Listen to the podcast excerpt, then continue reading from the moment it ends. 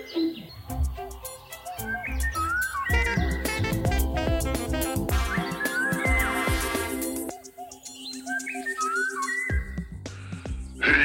och välkommen till Pippipodden alla glada fågelentusiaster. Ja, välkomna till Pippipoddens avsnitt 34. Nu är vi inne i början av juni månad år 2020. Hela maj har passerat sedan vi hördes av senast och Kristoffer du brukar säga att maj är en månad som du både älskar och hatar. Har eh, månaden uppfyllt förväntningarna i år? Maj uppfyller väl alltid förväntningarna på något sätt, alltså delvis i alla fall. Det har ju varit en hel del fåglar. Maj präglades ju också väldigt mycket av nordvästliga vindar här i Halland och det var ju kallt under långa perioder men mot slutet, sista tredjedelen, blev det ju varmt med mer sydostvindar. Och man gick ju upp väldigt tidigt många morgnar och får man inte se så mycket så känns det ju väldigt bortkastat att gå upp vid 3-4 på morgonen. Men eh, när man väl får se något så är det ju fantastiskt. Jag, jag kände mig riktigt frustrerad de där första två tredjedelarna av månaden när det varje dag blåste en ihållande kylig nordvästvind och när temperaturen på nätterna kröp ner till både ner till nollstrecket och under nollstrecket någon, någon natt. Och då tänkte man liksom att nej, det här blir inte en majmånad att minnas. Men trots att vi på västkusten i alla fall hade den här tjatiga vädertypen så länge så verkar det ju som att det är rätt mycket fåglar som har kommit in österifrån i år. Ja, man märker ju ett inflöde av rosenfinkar och busksångare och eh, även eh, biätare har det ju setts en hel del och sen är det ju rosenstarar på gång. Mm. Rosenstar är ju någonting som vi verkligen kan hoppas på att den ska förgylla vår sommar här. Det har ju varit mycket rosenstarar nere på kontinenten men har det varit så många här uppe i vad ska vi säga, den höga nord, alltså i Skandinavien? Häromdagen dök det upp en på Norra Udden på Öland men det har faktiskt sett, eh, setts sex stycken på Skagen senaste veckan. Så det båda ju gott. Rosenstaren är ju en häftig fågel eftersom den, den kan ju nästan driva omkring nomadiskt och häcka på platser där det plötsligt är gott om föda.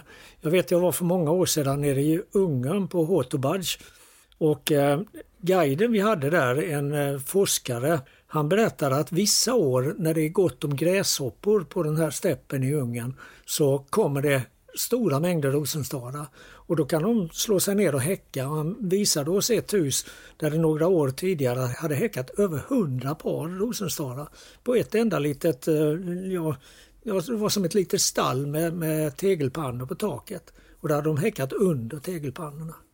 Maj är ju också en tid eh, av arktiska vadare. Är du nöjd med vadarnas insatser det här året? Mm, ja, jag vet inte. Jag fick väl egentligen bara uppleva en morgon med riktigt bra med vadare. Eh, en hel del kustpipare och eh, musbovar, lite kustsnäppor också. Och en, ja, vi hade också en stor flock med nordliga större strandpipare. Men eh, det där är ju någonting som jag värdesätter jättemycket. Det är, det är nästan det som jag tycker allra bäst om på våren. Liksom prutgåssträcket. Jag tycker att prutgåsflockar det, det hör till det vackraste man kan se. Alltså en stor prutgåsflock som liksom rör, där delflockar rör sig i förhållande till varandra. Det är, det är en njutning verkligen. Ja, det är ju en otroligt läcker gås med, med fin form också. Ja. När jag var ung grabb och började skåda fågel så var det en teckningslärare som var fågelskådare. Och han var konstnär också. Och han sa det att prutgåsen är den formskönaste av alla gäss. Och så fick han nästan ett beslöjat drag över ögonen. Han, var väldigt förtjust i, i prutgås. Nej, på tal om vadare. Jag hade ju ynnesten att få se en stor flock med kustpipare på Jätterön en morgon innan jag skulle börja jobba där. Det hade väl varit en bit över 500 där tydligen då som hade kommit ner i ett regn och jag fick väl se ungefär kring 200 av dem men det räckte ju gott och väl. Alltså de här kostymklädda kustpiparna liksom som är otroligt gracila och eleganta och atletiska på samma gång. Alltså flög runt där och lockade över reservatet och landade igen. Alltså det var ju helt klart den finaste och bästa fågelupplevelsen under hela maj månad, även om maj månad avslutades med en orientpipare. Ja, ja om vi håller oss kvar vid kustpiparna en liten stund så samma morgon som du såg de här på, på Jätterön så hade vi väl ett par hundra kustpipare som sträckte förbi Påarp också. En flock bestod av ungefär 300 fåglar och det var det 50-50 med kustpipare och myrspov och även några få kustsnäppor. Men sen så kom det en liten flock med fem kustsnäppor och sju kustpipare och landade en väldigt, väldigt kort stund. De stod väl på stranden några sekunder bara. Men det var ändå så att man hann suga i sig det här. De svartvita kustpiparna och de tegelröda kustsnäpporna tillsammans. Det är, det är en det är en sån läcker kombination. Ja, det är otroligt magiskt. Det är väl det där att deras färger och former och sätt att flyga och hur de låter och att de ska flyga så otroligt långt bort och häcka i en miljö där de verkligen passar in. Mm. Jag har haft förmånen att uppleva kustpipare på häckningsplats på den ryska tundran och det var, det var väldigt speciellt alltså. Eh, både den och de här roströda fåglarna. Då hade vi inga kustsnäppor i det området men vi hade både spovsnäppa och myrspov och de är ju också sådär vackert röda. Och det är faktiskt så att där uppe på tundran så smälter de så väldigt, väldigt väl in. Man kan tycka att de borde lysa i ögonen på både människor och predatorer. Men de här röda fåglarna de smälter in. Det finns många röda toner i fjolårsgräs och fjolårsris och annat. Däremot kustpiparna de lyste ju som fyrbåkar där de stod ofta uppe på en liten kulle och så. Och, och så lät de ju hela tiden. Ja, jag vet Mikael Nord beskrev ju när den här flocken med kustpipare landade på Jätterön. Först såg han väl dem inte om jag förstod det rätt. Men då hörde han bara locklätena och han fick ju alltså gåshud över hela kroppen. Det var ju helt galet mäktigt. Och jag vet jag upplevde något liknande förra året i Busör också och sen ser den här flocken komma. Det är som att skådningen då når klimax på något sätt. Alltså det överträffar det mesta. Mm. Du nämnde orientpipar också. Det var ju precis i ja, maj månads sista skälvande ja, timmar kan man väl säga som den hittades. Ja, det var på mors dag den 31 maj när eh, skogsnäpporna börjar dra söderut. Skogsnäppehonorna och du plockar liljekonvaljer i skogen. Gör inte du det? Nej, men jag kanske borde göra det här för de är ju fina. Jag brukar skicka blommor till mamma däremot. Ja, ja. Mm. Det känns bra. Ja. Nej, det var faktiskt så att i Göteborg, alltså i Torslandaviken, så var det en kille som heter Mikael Molin som tyckte sig ha sett en fjällpipare på morgonen ute vid muddret i Torslandaviken. Som ligger precis vid kusten. Och sen senare på dagen så dök det upp en svartpannad törnskata där, eller under dagen, under morgonen. Och när den här eftersöktes och hittades, alltså den svartpannade törnskatan, så hittades den här piparen igen av en kille som heter Mikael Nilsson då. Och eh, då kunde de konstatera att det var en kaspisk pipare eller orientpipare. Och så var det mycket diskussioner fram och tillbaka och Frida och jag åkte dit efter jobbet bland annat. Och man ville ju se den flyga för att dels att den då skulle sakna de här vingbanden som en kaspisk pipare har och även vara mörk under vingarna då. Som orientpipan är. Kaspisk pipare är vit eller ljus under vingarna.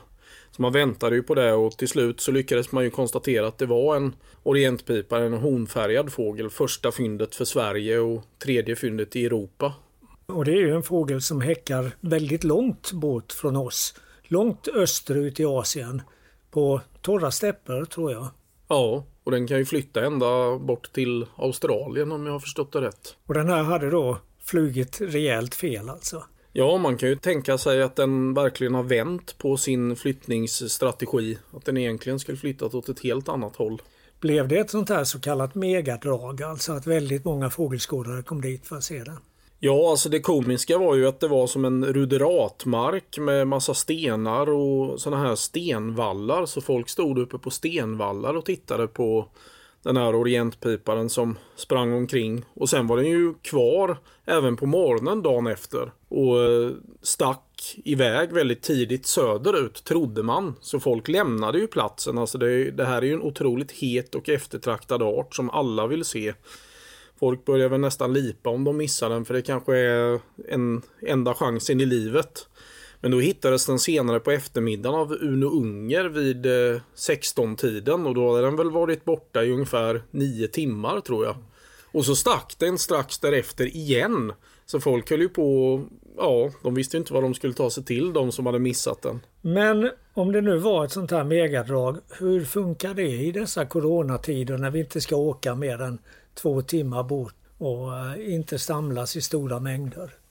Nej, för vår del funkar det ju alldeles utmärkt för att Halmstad ligger ju under två timmar från Torslandaviken och dessutom åkte vi ifrån Jätterön i Varberg. Däremot så kom det ju skådare ännu längre ifrån så på det sättet funkar det nog inte så bra. Däremot höll eh, folk eh, avstånd rätt så hyfsat ja. på det stora hela skulle jag säga. Även om det inte var helt klockrent. Alltså jag var ju hemma och jobbade i min trädgård hela tiden som den här orientpiparen gick omkring. Mm. Och jag måste säga att jag grät inte för att jag inte fick se den men Känner du dig lycklig nu när du har fått se den? Lycklig och lycklig men jag tycker jag har fått eh, lärdom i alla fall om hur man bestämmer en sån. Det är kul att lära sig mer om fåglar. Däremot så undrar jag om inte du kanske hade åkt dit om det hade varit en utfärgad hanne orientpipare. De har ju ett sånt säreget utseende så det, det, det tror jag nog att jag hade gjort faktiskt. Då hade jag lämnat trädgårdsarbetet därhän. Ja, vi pratade ju häromdagen, jag och några kompisar, om den mest optimala raritetsupplevelsen och det kanske var när den här orientpiparhannen, den utfärgade hannen, var på röst i Norge för tre år sedan. Det var väl 2017 just i den miljön där långt ut? Jo, nej men alltså när man ser något sånt här riktigt, riktigt ovanligt, när man hittar det och inser liksom att oj, det här, det här är ju någonting, kanske till och med någonting som man har drömt om. Det, det är ju en väldigt, väldigt stark upplevelse.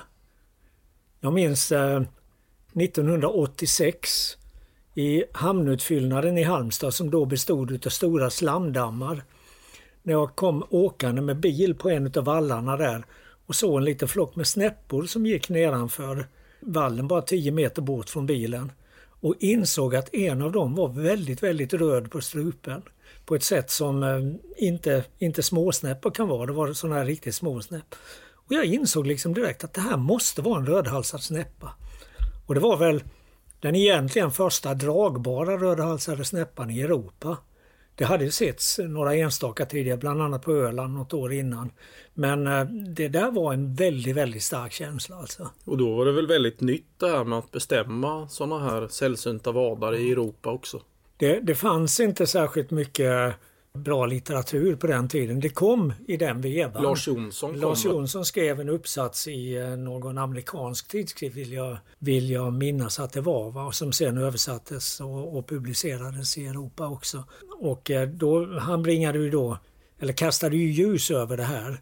Men, men den här fågeln som jag hittade då den var så väldigt, väldigt typisk så det var liksom ingen, det var ingen tvekan.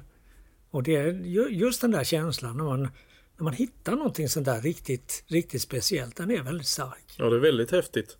Och på tal om en annan art som verkar vara inflöde på nu i Sverige, alltså i andra delar än Skåne, är ju kornsparv. Kommit flera i Blekinge och Öland och sen har ju även vi haft här i Halland. Jag hade faktiskt förmånen att hitta häckande kornsparv här nu för ett par veckor sedan vid Munkagårdsfloen i eh, Falkenberg. Så vi får väl hoppas att det går bra för dem. Och jag trodde faktiskt att jag hittade en eh, sjungande kornsparv när jag var ute och gjorde en våtmarksinventering nere i Skottorp. Men det visade sig sen att det var en kärrsångare som härmade en kornsparv. Oj, väldigt, väldigt bra alltså. Häftigt. Ja. Jag har hört någon inspelning på buskskvätta faktiskt som eh, i princip lät identiskt med kornsparv, några enstaka strofer. Så man kanske ändå ska försöka se fågeln ändå. Mm. Jo, det är nog det bästa. Men, eh, och det är ju roligt. Tänk om vi kunde få tillbaka kornsparven som häckfågel.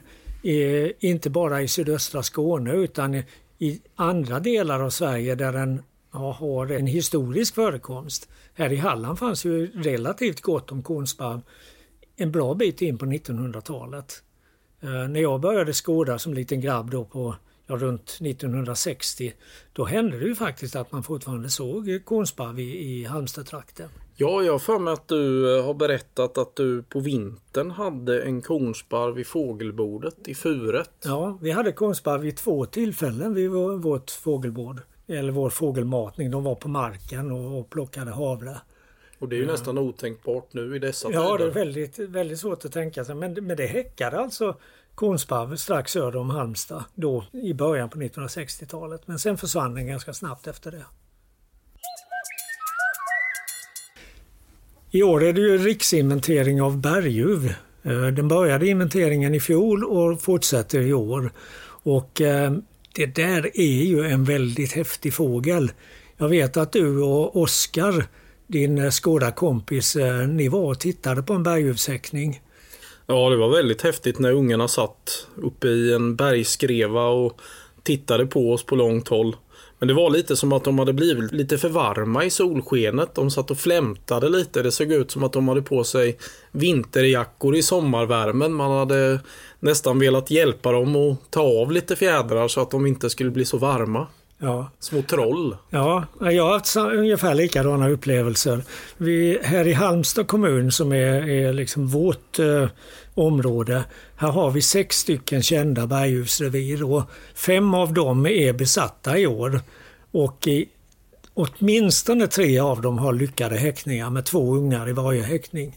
Eh, och sen har vi en fjärde häckning då som, där det har varit ungar i alla fall. Och de, de, finns nog förmodligen i området men de är inte kvar på bohyllan i alla fall. Jag var där en kväll i förra veckan och, och kollade in det här och kunde se liksom att det fanns dun och, och ulltussar och annat som hängde på grenar eh, på ett sätt som Alltså vid första hårda vindpust så skulle de försvinna därifrån. Så det hade varit eh, uvar på hyllan bara några timmar innan. Ja, det är ju en fördel just det där om man inventerar uvar och rovfåglar att man kan se att det har varit en häckning ändå även om man inte ser några fåglar. Och Det var rätt intressant. Jag stod väl på en 20 meters håll och tittade med kikaren upp på den här bohyllan då när jag hade konstaterat att den var tom. Och Då såg man ju rätt mycket bytesrester. Och det var många fjädrar från ringduva och från någon kråkfågel, svarta fjädrar. Men det var också en väldig massa fjädrar från kattuggla. Så de här berguvarna hade alltså ätit minst en kattuggla. Bara ett sidspår. Hur kan ringduvan vara en sån framgångsrik fågel när den är så otroligt kass på att bygga bon? ja, alltså de är, de är kanske inte så kassa de där bona. De ser ju väldigt dåliga ut, alltså bara en hög med pinnar ungefär. Det är nästan som när det franska köket slog igenom på på, på allvar i Sverige så brukade det ligga några korslagda gröna bönor eller något sånt. Det påminner ja, ja. ungefär om ett ringduvebo. Nej, men jag föreställer mig om, om, jag är, om jag är en ringduva då går jag och liksom öppnar skafferiet och så tar jag ett paket spaghetti. Så tar jag ut all spaghetti och så tappar jag den på golvet liksom och så bara sitter jag där och tittar. Det är liksom en ringduva. Ett paket spaghetti innehåller ju många, många fler sådana här strån än vad ett ringduvebo gör. Jo, det är sant. Det är ofta ja, bara, bara några tiotal strån lite kors tvärs. Men, men i alla fall, de här berguvarna är, ju, är ju spännande alltså. Det ser ju ut som att åtminstone vi här i, i västra Sverige har ett ganska bra år för berguvarna och för ugglor överhuvudtaget. Mm. Och en anledning till det är ju att det är så väl, fortfarande väldigt, väldigt mycket bokollon kvar ute i skogarna efter den här, det här rika ollonåret förra året. Och, och, är man ute i en bokskog så ser man ju skogsorka precis hela tiden alltså. Du hade pratat med Roar Solheim, en norsk uggleexpert, om varför det har dykt upp så mycket lappugglor i södra Sverige och även häckande lappugglor här. Roar har ju åtminstone tidigare haft en teori om att eh, lappugglans expansion söderut i, i eh, Skandinavien har att göra med klimatförändringar. Eh, jag vet inte riktigt om han håller i det men han, han berättade i alla fall att något av de senaste åren så har det varit ett väldigt bra häckningsår i Hedmark i, i Norge. Alltså på den norska sidan av gränsen i höjd med Värmland och Dalarna. Och att eh, många av de ugglorna trodde han hade dragit sig neråt sydväst mot, eh, mot våra trakter. Och eh, vi har ju alltså inom en radie på fem mil från, från Halmstad så har vi i år åtminstone fyra häckningar av lappuggla. Eh, tre av dem ligger precis på andra sidan Smålandsgränsen så de kan vi ju liksom inte räkna in i vårt hemterritorium. Vi har en häckning i Halmstad kommun i alla fall och det finns säkert fler alltså. Hade du kunnat drömma om det om man hade frågat dig för 25 år sedan att det skulle vara fyra häckningar här? Nej, alltså när det dök upp en lappuggla i Skummeslövstrand, jag tror det var 2001, då eh, när vi skickade ut information om det på den tidens eh, larmsystem för fågelskådare. Så inom bara några minuter så fick jag två kommentarer. Den första var att jag hade skrivit fel. Du måste ha skrivit fel Anders, stod det. Nästa var att, är du full? det är sådana skämt du kan dra nu, liksom 20 ja, år senare. Ja, den, den lappugglan fanns ju kvar i det området i nästan ett år.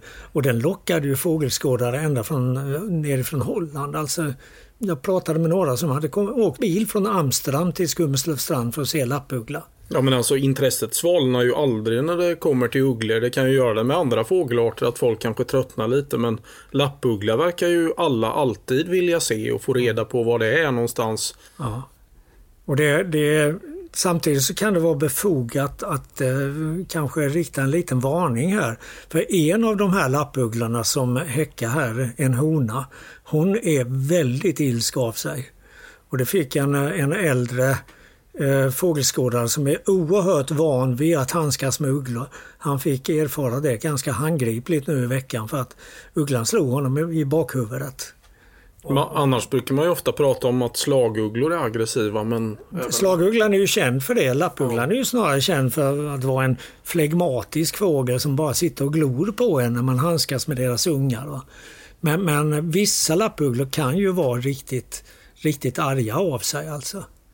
Och det är ju en, det, det är ju en sån där fågel som man kan inte låta bli att bli väldigt berörd av den för den har ett, på något vis ett outgrundligt utseende. Ja, det ser verkligen ut som att den har en själ, som att den tittar igenom en på något sätt. Den är väldigt vis, inbillar man sig i alla fall. Ja. Sen är det ju en, en fågel som eh, man kan ju säga att skenet bedrar lite grann. Den är ju väldigt stor, den är nästan lika stor som en berguv. Men just Roar Solheim hade lagt ut bilder på en, en lappuggla, där han, en död lappuggla som han hade plockat fjädrarna av. Det var inte mycket kvar då. Det är mest en massa fjädrar. Det var ju något eh, norskt program om sorkar och möss på SVT där de visade en hökuggla där de höll upp någon blåmes som någon sork och så kom den och slog den ifrån handen och sådär. Ja, det där, de där programmen, för det är ett par stycken, de kan vi verkligen rekommendera. Jag tror de heter I skogssorkens rike. Mm. Uh, och skogssork heter ju klättermus eller klattramus på, på norsk och uh, det är ju den som är, är bakgrund till uh, berättelsen om Klas Klättermus. Ja, de hade ju med lite tecknat där också. Ja, visst. Och, och det, ja, nej, men de, är, de är jättebra de filmerna tycker jag. Det, det finns säkert en och annan puritansk fågelskådare som tycker att de, så här får man inte göra fågelfilmer. Men, men eh, jag tycker de är väldigt bra. De kan absolut rekommenderas. De ligger på SVT Play. Ja. Så titta efter dem. I Skogssorkens rike tror jag den heter. Och våra vanliga ugglor som kattuggla verkar ju ha ett väldigt bra år också. Det dyker ju upp ungar överallt på bilder. Folk tar bilder på ungar ute i naturen lite varstans. Och det är ju mycket tack vare, i alla fall i våra trakter då, tack vare att det är så gott om bokollon så gott om skogsork och även skogsmöss. Däremot så verkar ju inte en art som honugla ha något särskilt bra år. Det är få häckningar. Egentligen borde man nu när man är ute på nätterna höra tiggande katt eller honugleungar på många ställen men, men jag har inte sett rapport om någon än. Det sitter en pärluggla och spelar nere på Hallandsåsen fortfarande. Och sen har det varit, varit ett par längre ner i Skåne på Söderåsen som har häckat med det. Många har varit och fotograferat de här ungarna. Jag kommer ihåg det var någon helg då de här ungarna var aktuella. Facebookflödet fylldes ju av det här bohålet med ungar. Det var ju fina bilder men det blev ju nästan lite komiskt efter ett tag på något sätt. Ja, det, alla, alla södra Sveriges fågelfotografer var på plats och tog bilder. Det, det känns lite märkligt egentligen. Det är ju väldigt söta och häftiga fåglar så det är väl svårt att hålla sig hemma när mm. sånt dyker upp. Jag, jag tror ju att pärlugglorna också har gynnats av det här att det är gott om skogsork. Däremot så vet jag att ett antal pärlugglehäckningar har misslyckats här i, i Halland. Eh, de har blivit plundrade av mård. Ehm, de, de började häcka, de la ägg och så vidare men sen så försvann fåglarna därifrån. Och, och det mesta tyder på att det var något som hade plundrat. Och mården är väl det stora problemet mm. för pärlugglorna. Och sen dyker det upp jordugglor här och var. och Sparvugglor har du ju spelat några stycken också men det är kanske svårare att säga om hur det går för dem. Ja, i alla fall sparvugglan så verkar det som att några få par har lyckats och lyckats bra. De har stora kullar. Men eh, det är många häckningar som har, verkar ha misslyckats eller inte ens har inletts här i, i våra trakter. Nu är, nu är ju inte sparvugglan direkt knuten till bokskog utan finns i andra miljöer och det kan ju ha varit lite sämre med föda där.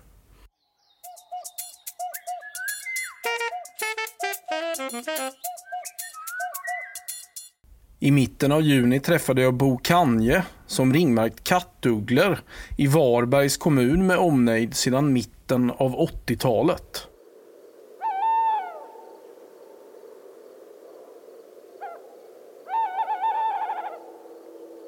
Ni började ju ett kattuggleprojekt i mitten av 80-talet, det vill säga för snart 35 år sedan. Under åren som gått därefter har ni ringmärkt ett mycket stort antal ugglor och även vuxna. Hur många handlar det om egentligen? Det handlar om eh, bortemot ja, 4600 eh, man tar sammanlagt. Ja. Ja, det är inga dåliga antal. Och, nej, det är rätt mycket. Egentligen började vi ju med dagrovfåglarna. Och ugglorna kom ju tack vare att Länsstyrelsen lät tillverka arbetslösa tillverkade holkar. Och då fick vi till Getens fågelstation eh, 35 holkar tror jag det var. Och de började vi sätta upp 85 och fick ju häckning redan 86. Sen hade jag några egna holkar uppe sedan gammalt. Och det var i början på uggledelen i det. Och sen i och med att man eh, går skogarna jämt så ser man att det finns inga hålträ egentligen för, för ugglorna kvar. Modernt skogsbruk det hugger ju ner allt gammalt. Och ugglorna har ju faktiskt svårt att hitta bostäder. Jag har ju funnit dem i Janvågsbo och i alla möjliga andra klipphyllor och sånt grejer också. Mm. Och det gjorde man, man blev ju nyfiken. Och sen eh, tillsammans med Magnus Forsberg på sin tid på 80, början 90-talet så tiggde vi då utav eh, Varbeko hette de som också hade arbetslösa som tillverkade holkar för oss en, en, en del. Och ett ungdomsarbetslag gjorde också holkar på 90-talet. Och sen har jag fortsatt själv att bygga holka en jädra massa. Tycker du att det är väldigt kul att hålla på med det här? Ja, rovfåglar överhuvudtaget var ju meningen att vi skulle liksom lära känna lite mer vad som fanns i, i kommunen. Egentligen var det ju inte någon som gick inåt markerna förr utan då var det längs kusten Getton. Va? Och jag tycker det bara gå här och eh, gå och titta efter en art som någon har sett, det, det är rätt fattigt. Jag, jag vill göra lite fysiskt och praktiskt. På sin tid när man jobbade på ett kontor var det rätt gott att, att komma ut. Det kan jag tänka mig. Men när det kommer till kattugglan, den lever ju på smågnagare och, och antalet gnagare varierar ju mycket från år till år. Är det stor variation i antalet märkta kattugglor mellan olika år? enormt stor variation. De år när det är mycket mat så häckar ju väldigt många par. De år när det är fattigt så är det väldigt få. Jag har, eh, det sämsta året tror jag nu, sedan jag har ungefär lika många holkar, jag har 300 holkar som vi kollar cirka, sedan mitten på 90-talet. 12 kullar med 26 ungar är det lägsta 2013. Och 2010 hade vi 89 kullar med 300 unga. Alltså det är mer än 10 gånger mer. Rätt fantastiskt. Men nu har detta år, 2000, var ett toppår som egentligen skulle kunna blivit ännu bättre. Med väldigt stora kullar. Ja, verkligen. För det är ju ett gott gnagarår i sydvästra Sverige och mängder av bokollon har ju gjort att skogsmöss och skogsork, att det är gott med dem. Och det återspeglas alltså i era kattugglor 2019-2020, den säsongen nu? Absolut. Jag såg ju redan förra året att eh, blomningen i boken var ju fantastisk och i, i höstas det här mängden bokollon. Och redan tidigt detta året fick vi märka Ögle. Slutet mars månad hade vi stora kullar. Och vi har haft fyra kullar med sju unga. Och jag tror eh, ja, en 12 kullar eller elva kullar var det väl, med sex unga. Sju unga har vi bara haft en enda gång tidigare. Det låter ju som ett väldigt högt antal när det gäller ugglor. Sju ungar. Ja, du skulle se holkarna när man tittar ner eller känner ner dem. Det, det är liksom fullt i två lager. De använder varandra som kuddar. Ja, nästa. Men med så många ringmärkta kattugglor genom alla år måste ni ha fått många återfynd. Vad har de visat om kattugglornas liv? Ja, dels eh, får vi ju återfynd va, utav döda öglor som hittas ute. Men eh, mest kunskap får vi egentligen i våra egna kontroller. Vi har något på 1100 kontroller utav de här 430 individerna som vi har återkontrollerat. Så sammantaget är det ju en bild om dels hur gamla öglor blir, hur länge de stannar på sina platser och eh, hur långt de flyttar när de byter holk eller flyttar någonstans. Och det är ju rätt intressant. Hur gammal kan en kattuggla bli då? Vilket är åldersrekordet hos era kattugglor inom citationstecken? Ja, det, vi har en hona som jag märkt som 2K, alltså ett år gammal, 20, 1991. Hon häckade senaste gången 2010 och fick två unga då. Hon var alltså 20 år. Och sen har vi en holk som är märkt nere i eh, Daxås 98 som häckade 2018 också då 20 år gammal fick två unga. Oj, det måste ju alltså närma sig något slags åldersrekord i ja, Sverige eller Europa. Ja, Sverige är 20 år och 11 månader men det var en som de hittade död. Hur det gick för dessa två vet jag inte för att den ena holken föll ner och så vet vi inte vad som hände. Och den andra holken, ja det var en ny hona åren efter så att hon är antagligen död. Va? Mm. Men det är absolut toppen. Sen har vi några på 14, 15, 16 år. Men är, det, alltså, är kattugglorna trogna sin födelseplats eller rör de sig långt bort när de lärt sig flyga? Inom en mil skulle jag tänka är normala för ungarna. Två mil har vi norra. Sen vet jag ju inte, vi ringmärker ju i Varbergs kommun. Här är ju ingen runt om som märker. Ja, Falkenberg har, har börjat lite. Så jag vet ju inte om någon flyttar längre utanför. Men det, huvuddelen är, kommer nästan inom en mil. Likadant honor som vi har fångat och som vi återfångar i en ny holk. Det är bara ett par kilometer bort i så fall. Så det är vanligt att honor använder samma holk år efter år? Flera år i följd, ja. Och det är väl förmodligen så att så länge den hanen lever. Sen söker hon ny och jag har hittat honor som har haft en holk några år. Så hittade jag henne några kilometer eller någon kilometer bort ett år. Och så tillbaks igen. För hon tyckte den platsen var säkert bra och ny hanne då kanske. De är ganska hemmastadda kan man säga. Jag, jag uppfattar det så. Vi har ju en del återfynd som eh, är längre distanser och det är vintertid ofta. Ungfåglar som är ute och svävar på vintern. Och vi har ett sånt fall där den var rätt långt bort vintertid. Men sen häckade ganska nära hemmaholken. Ja, vad är medelavståndet från en ringmärkningsplats och en återfyndsplats när det kommer till kattugglor? Ja, det är ju inte mer än eh, ett, eh, ja, 6, 7, 8 kilometer i, i medel om man tar med långfynden också. Så det finns så att, några eh, riktigt långväga återfynd också? Ja, vi har ju en som heter i Köpenhamn och det är nästan ett av de få utlandsfynden. Den satt fast på ett tåg så den hade ju träffats här uppe.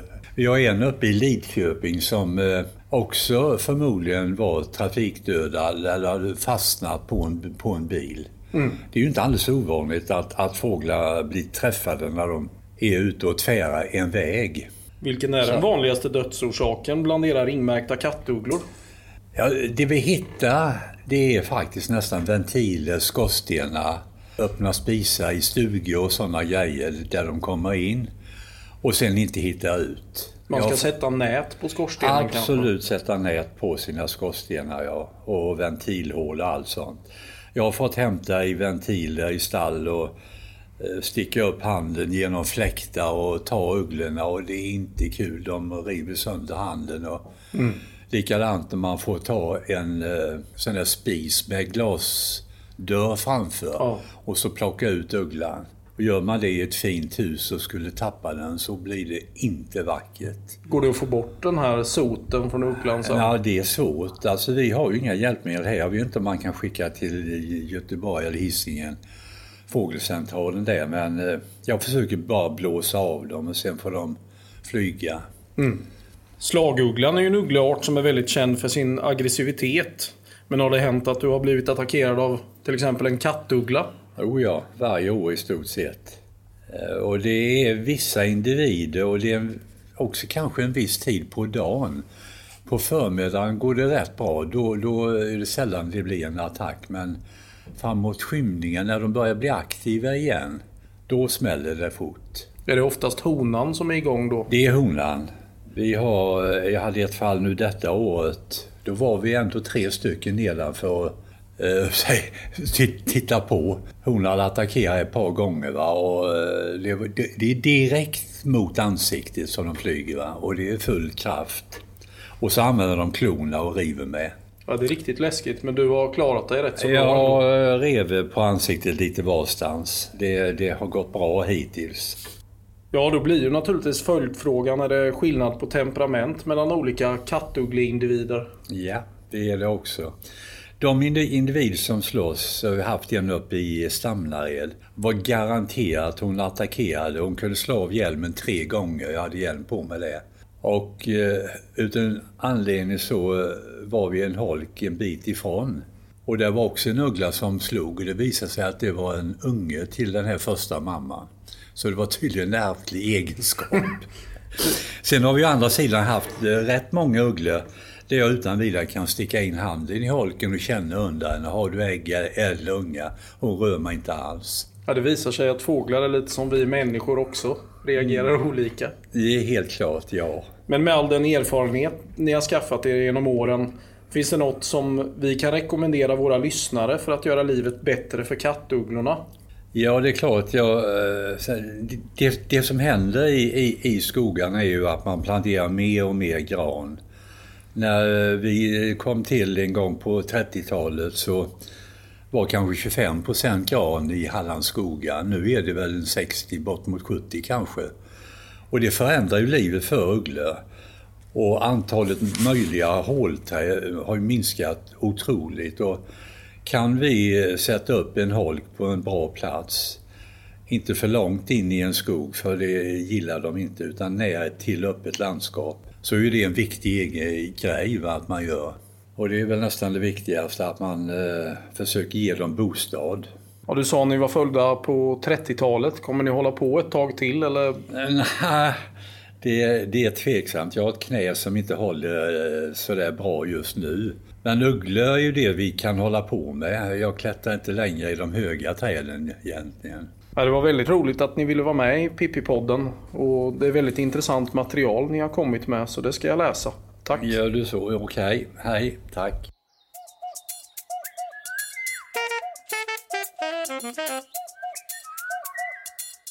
Ja, då har vi kommit till det här sorgebarnet Storskarven. Hur ska det gå för den egentligen?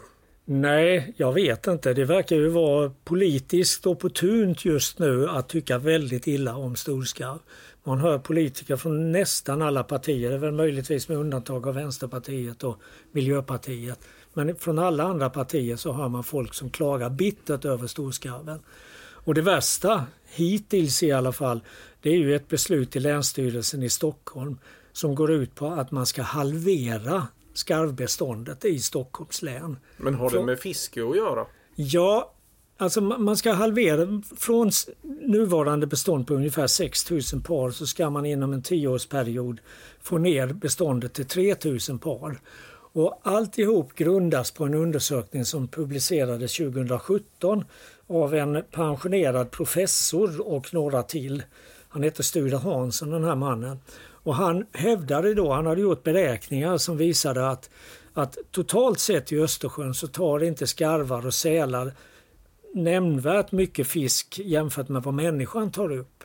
Men lokalt längs kuster och så, så kan skarvarnas och sälarnas påverkan på fiskbestånden vara oerhört stort menade han. Och alldeles särskilt så var det allvarligt för abborren. Abborren i Stockholms skärgård då, där som skarvarna plockar bort. Och han, han hade ju då alltså gjort beräkningar som fick väldigt många inom fiskerinäringen och på länsstyrelser och bland, inom politiken att ja, plötsligt tycka väldigt illa om skarven. Det hjälpte inte sen att ett antal finska forskare som tittade och gjorde liksom om hans studie kom fram till att den här Sture Hansson han måste ha räknat fel. Det blir inte alls så stora summor skarvmat av, av abborrar som han hade räknat på. Va? Och nu så har då frågan stötts och blötts i, i Stockholms länsstyrelse. Den har varit ute på remiss. Och ett av remissvaren är skrivet just av den här Sture Hansson. Och, och det handlar ju alltså om att man ska reducera skarvbeståndet. Och då skriver han så här att ju mindre reduktionen är desto större är risken att effekter på fiskfaunan inte upptäcks och slutsatsen blir att skarven inte påverkar fiskbestånden. Även det motsatta gäller, det vill säga om en mycket kraftig reduktion görs utan att detta lämnar spår i fiskfaunan kan man dra slutsatsen att fiskbestånden inte påverkas nämnbart med dagens täthet av skarv.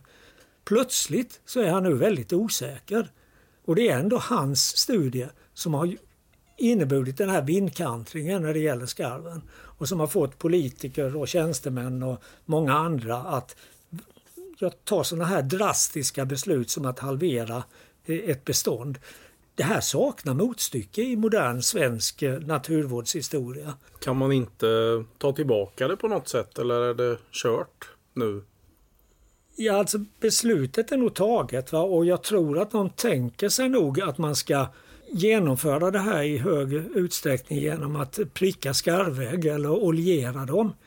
Men eh, samtidigt i det, den sista remissversion som vi fick se när det gäller Naturvårdsverkets nya förslag till jakttider som ska gälla 5-6 år framöver. Där står det väldigt tydligt att den här typen av behandling av ägg den får inte förekomma i Sverige längre. Så jag begriper inte riktigt hur de har tänkt i Stockholm men, men eh, det här är ju ett oerhört, oerhört stort eh, ingrepp i naturen som de tänker sig göra. Och, och eh, jag, jag, kan inte tycka annat än att det här är en praktfull skandal. Alltså. För det bygger på sådana lösa grunder. Det här är ett beslut som är taget på lösan sand kan man säga. Det är ju mycket det här folk använder att de skitar ner öar, skarv, skarvarna och sådär. Att öarna dör men sen är det väl också så att de blir frodiga efterhand och riktigt ja, fina. Det gör de ju. Alltså skarvspillningen är ju väldigt näringsrik. Den är så näringsrik så att det fräter på träden och träden dör alltså. Men sen kommer ju växtligheten igen. Samtidigt så ska vi veta att vi totalt sett i Sverige har kanske ungefär 200 öar där det häckar skarv. Och eh, alla de öarna är inte trädbevuxna. En del är kala där skarvarna häckar på marken. Det gör de i ytterskärgården. Så det är inte något förfärligt stort antal. Om man då jämför med alla marinor och småbåtshamnar och annat som byggs ute i skärgårdarna så är ju människans ingrepp ofta oerhört mycket större. Och det är en sak som jag tycker man ska titta närmare på. Vilken effekt den ökade båttrafiken har på fiskreproduktionen. För att dels så bygger man ju gärna de här i ganska grunda områden. De här småbåtshamnarna, bryggor eller stora marinor Dels så innebär ju trafiken av båtar som pågår hela tiden att man grumlar upp sediment från botten som lägger sig på, mm. på ålgräs och, och tång och annat och förstör livsmiljöerna för småfisk, den uppväxande fisken. Alltså. Så mm. att eh, jag, jag tycker ju att fiskeintressena de måste ju börja med att städa framför sin egen dörr i alla fall innan de börjar tjata om skarven. Sen finns det ju en annan sån här myt som har fått visst genomslag i Sverige om att storskarven skulle härstamma från kinesiska fiskeskarvar. Det var ju mycket tal om det under en lång period men mm. så är det ju egentligen inte. Nej, det var också en gammal eh, forskare som eh, på ålderns höst skrev ihop en fascinerande berättelse om, om den kinesiska fiskeskarven. Men eh, han hade inte gått särskilt grundligt tillväga. Hade han gjort den minsta ansträngning att hitta gamla uppgifter om häckande skarvar i Europa så skulle han ha sett att redan på 1200-talet så fanns det hertigar eller eh, småkungar eller vad de kan ha varit nere på kontinenten som uppmanade sina undersåtar då att gå ut och, och eliminera skarvarna för att de sågs redan då som ett problem för fisket. Och detta var ju alltså mer än hundra år innan européerna hittade vägen till östra Asien och till Kina. Så, så skarvarna fanns ju här långt innan, innan de eventuellt skulle ha kunnat importera några fiskeskarvar. Och man ska ju också tänka på att på den tiden så tog det ju flera månader, kanske ett år, att segla från Kina till Europa. Hur i hela friden skulle de lyckas hålla liv i skarvarna hela den tiden? Det, det är ju... Nej. nej men det, det, det, är så löjligt och fortfarande är det, är det ju alltså många som vill de vill tro på det här för att då kan man betrakta storskarven som en invasiv art och invasiva arter ska ju per definition väck alltså.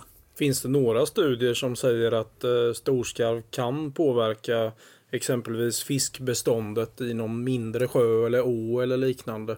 Jo men det gör de ju. Utan tvekan så påverkar de fiskbestånden och det kan säkert vara så att lokalt så kan skarvarna påverka fisket så mycket så att fisken, eller vissa fiskar nästan försvinner inom ett visst område. Men det är ju under en relativt kort tid. För när maten tar slut så försvinner skarvarna därifrån och sen får ju fisken möjlighet att vandra in igen. Mm. Och är det då ett rikt, näringsrikt område så kommer det ju inte dröja många, många dagar eller många veckor innan det har vandrat in fisk från omgivande områden. Vi får väl återkomma och se hur det går för skarvarna i den kungliga huvudstaden med omnejd. Ja, det här är en, en riktig skamfläck tycker jag. Så nu tycker jag vi pratar om någonting roligare.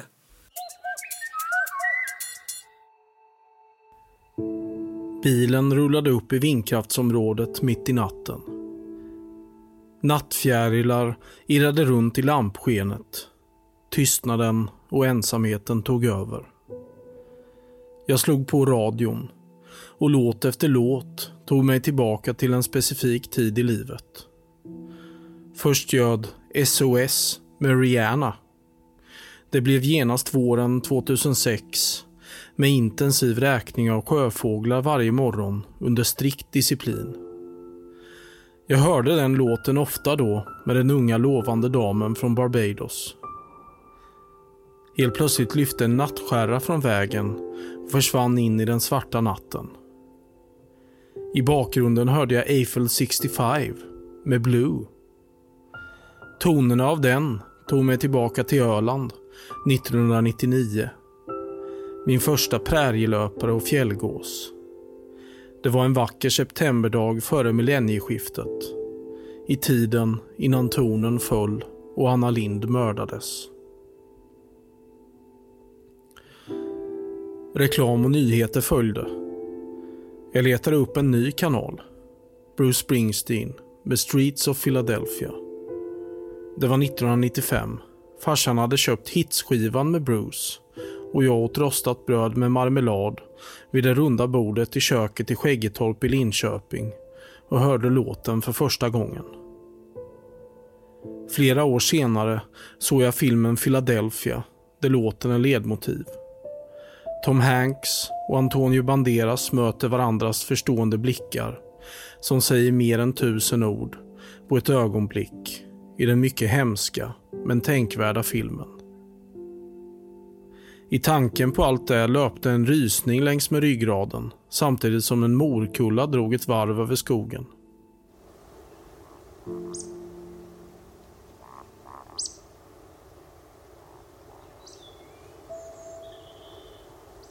Lite vemodig stannade jag bilen och åt en banan. Snart började den helknäppa låten Locka People med Zac Noel. Jag var tillbaka på Gotland sommaren 2011 igen. Grillen gick varm. Vi var ute mycket om nätterna och det doftade backtimjan i vinden samtidigt som Locustella och Acrocephalus-sångare lät sina sångstrupar jobba hårt. Regnet började falla och nattens sista minne visade sig väckas till liv av Lars Winnerbäck med Elden. Vi såg honom för första gången i Teaterladan i Hultsfreds hembygdspark 2001. Det var inte överdrivet mycket folk, men jag minns att texten satte sig i mitt huvud likt en spik som slås in i en vägg.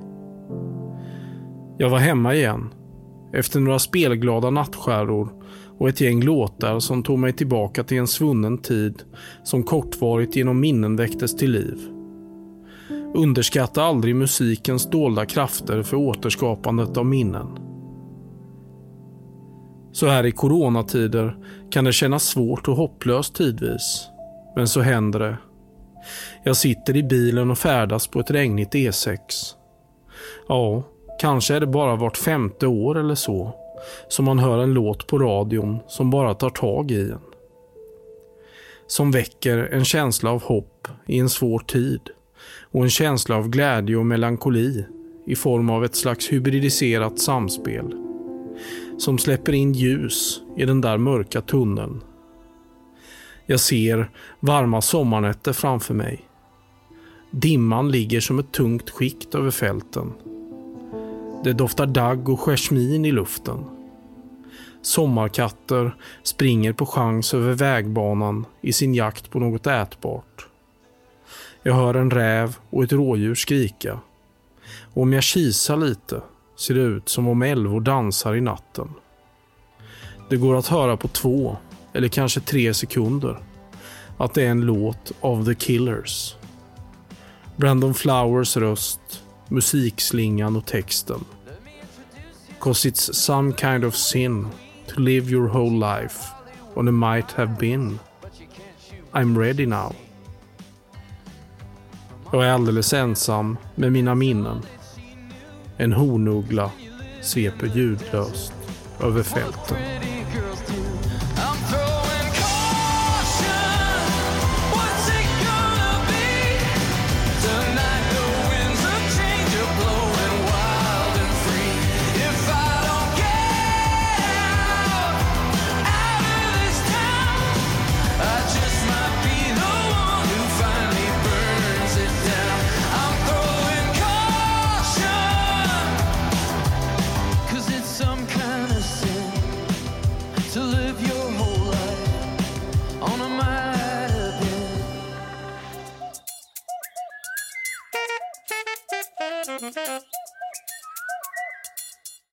Är det ju den här tiden av fåglarnas barnkammare och själv fick jag ett samtal om en råka häromdagen som gick omkring på någon gräsmatta och det var någon som tyckte att nu får du komma hit och hämta den. Nej, det tänker jag inte göra.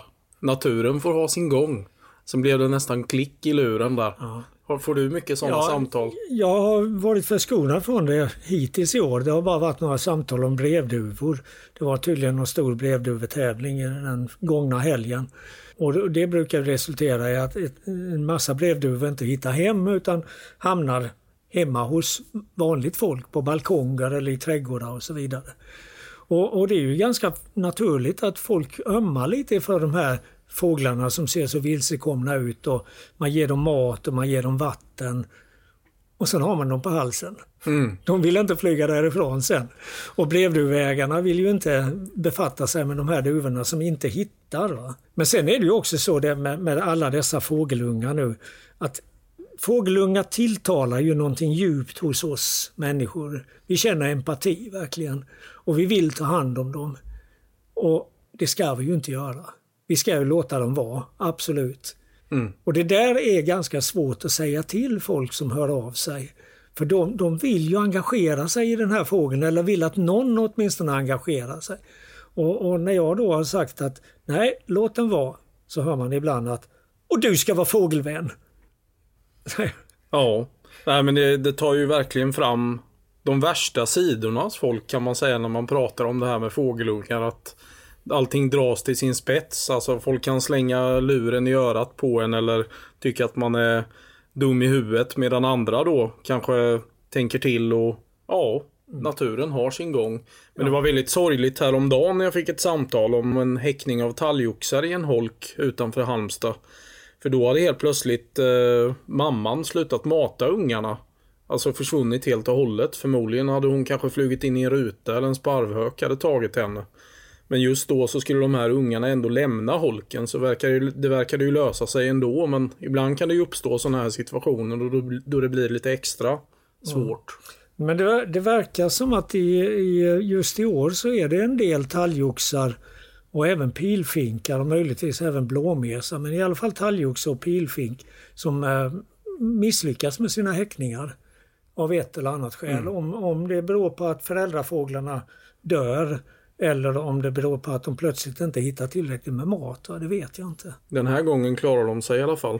Nej, på tal om annat så har vi ju gått en så kallad standardrutt för 25 året i rad. Och jag har ju inte varit med i 25 år utan jag kom ju in i bilden 2016. Men du har ju gått den här standardrutten för att inventera fåglar och häckfåglar under 25 års tid. Kan du berätta lite om den? Ja, nej men det, det, att inventera fåglar är ju väldigt roligt. Men jag insåg ju eh, för några år sedan att eh, min hörsel hade försämrats så pass mycket.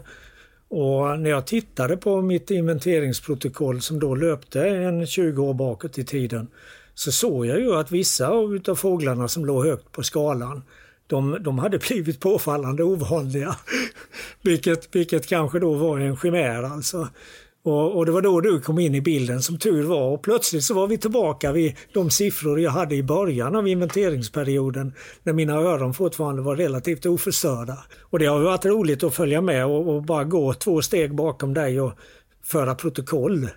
Ja, verkligen. den här inventeringen är ju lite som att man går i en fyrkant och räknar allting man hör och ser och stannar på sammanlagt är det åtta punkter. Ja, det är åtta punkter fast just vår ruta är, är det bara sju punkter för att den, den första punkten ligger ute i havet. Så den får, vi, den får vi skippa utan vi börjar på punkt två istället. Om man räknar från varje punkt i fem minuter då och sen går man de här sträckorna och räknar längs dem hela vägen. Och det, i år var det ju som vanligt gott om eh, koltrastar och lövsångare och vi hade väl en rosenfink var väl det roligaste. Mm. Annars var det ju sämre med mesar och flugsnappare på grund av den här kyliga majmånaden då. Mesar var ju ganska påtagligt alltså. Men eh, vi ska ju också säga att den här rutten den går genom gamla sommarstugområden. Idag är mycket av det villaområde och den går i ett ganska varierat landskap. Så vi har ju rätt många arter, vi har ju uppåt en 60 arter på den här rutten och väldigt många individer.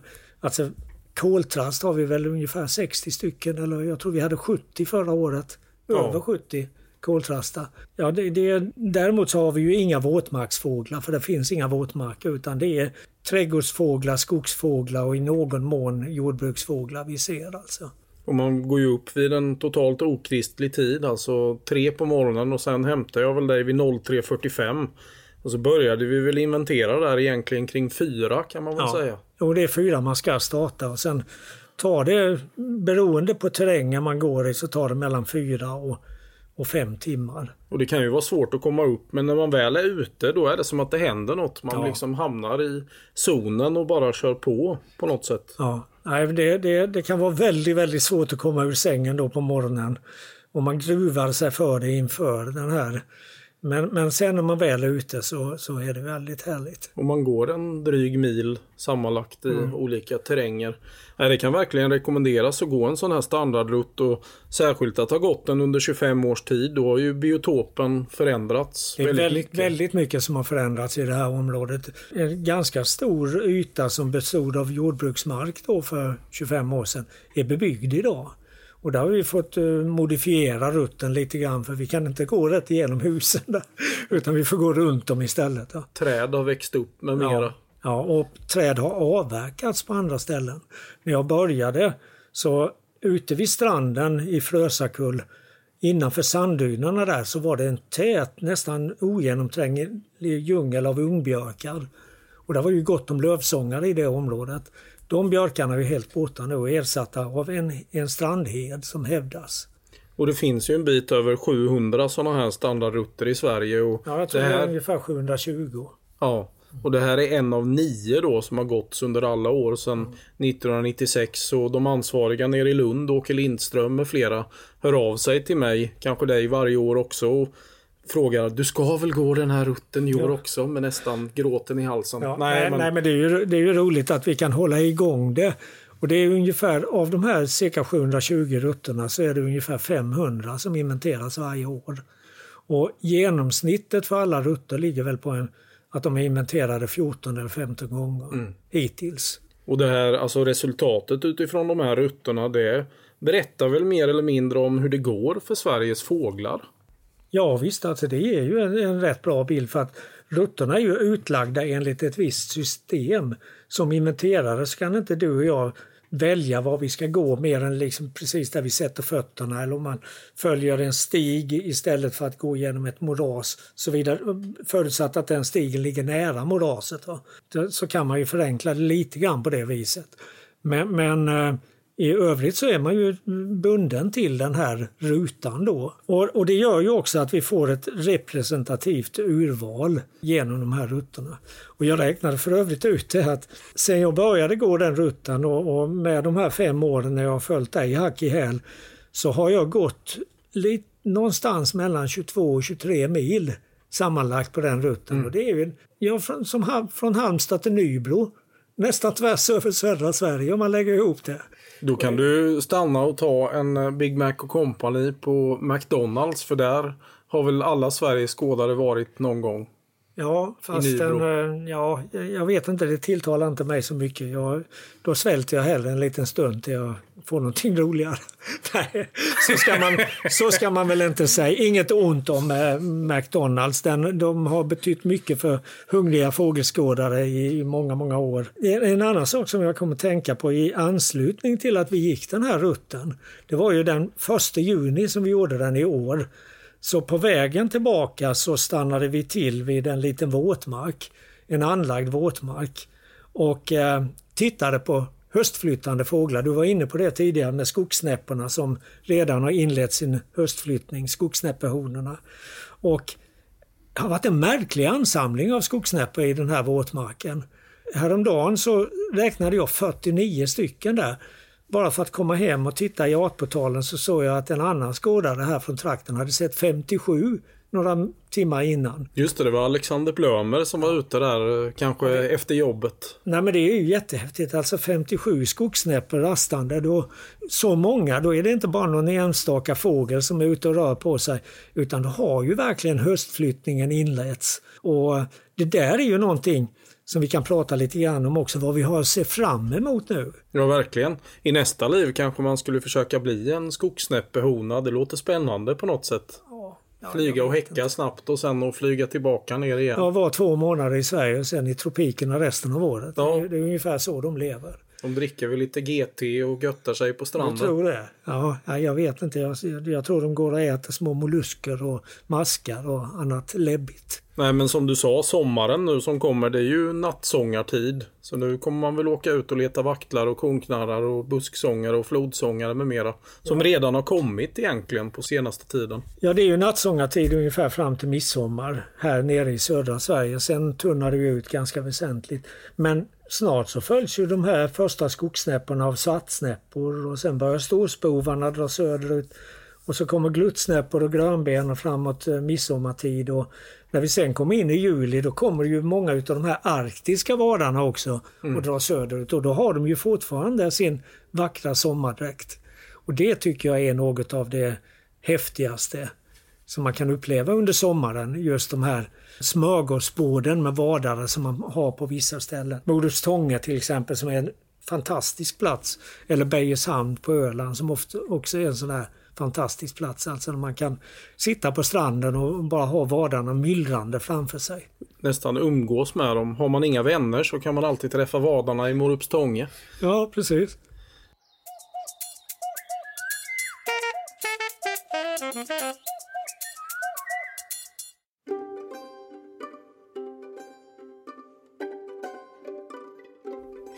Jag heter Edvard Blom och jag tänker bidra med en liten lätt midsommarmeny. Vad härligt att vara tillbaka i Pippi-podden! Egentligen skulle jag vilja basera denna meny på romaren Gavius Apicius som levde under kejsar Tiberius tid för sisådär 2000 år sedan. Han var en verklig läckegom som för att verkligen visa sitt överflöd endast åt en liten del av ett djur, till exempel påfågeltungor och strutshjärnor. Som andra romare levde han efter devisen att det som inte är giftigt, det går att äta. Till förrätt hade det naturligtvis varit gott med gåstungor, Jag kan tänka mig att tungor av fjällgäss eller rödhalsade gäss är särskilt goda eftersom dessa gäss gärna betar på saltängar och det ger tungorna en pikant saltsmak. Men det är ju inte okej, alltså ornitologiskt korrekt, att äta dessa små gulliga gäss. Därför blir det nilgåstungor till förrätt. För att åstadkomma lite saltsmak ska de marineras i garum. Den högt aktade jästa romerska fisksåsen. Hittar ni ingen sån kan ni ta asiatisk fisksås. Men välj då en som luktar riktigt starkt. Till huvudrätt tillreder vi resten av nilgåsen. Och det gör vi enligt Apicius recept på kokt flamingo. Så här skriver Gavius Apicius. Du plockar en flamingo, tvättar den, binder upp den och lägger den i en kastrull med lock. Du tillsätter vatten, salt, dill och någon vinäger. När spadet kokat ner till hälften lägger du i en bukett purjolök och koriander och kokar. Du färgar koket med defrutum. I en mortel lägger du peppar, spiskummin, koriander, laserrot, mynta, ruta och stöter och häller över vinäger. Tillsätter dadlar och spad från koket. Du häller över såsen i grytan med fågeln, reder med stärkelse och bär in. På samma sätt kan du tillreda papegojor och allsköns annan fågel enligt Apicius. Återstår sedan bara desserten. Och så här i midsommartid måste det ju bli jordgubbar. Men för att behålla fågeltemat ska de inte ätas ur en skål utan ur ett svalbo. Helst då ett hussvalebo eftersom det har en så ljuvlig form. Men det är inte ornitologiskt korrekt att ta årets bo. Där är det ju unga nu, så därför måste man vara ute ett år i förväg om man nu inte hittar övergivna bon. Fyll ett svalbo med jordgubbar och droppa sedan ganska rikligt med garum över. Sedan är hela helgen räddad. I alla fall när det gäller fysisk distans. Du kommer att lukta så härligt av jäst fisksås att ingen vill komma närmare dig än ett par meter. Glad midsommar!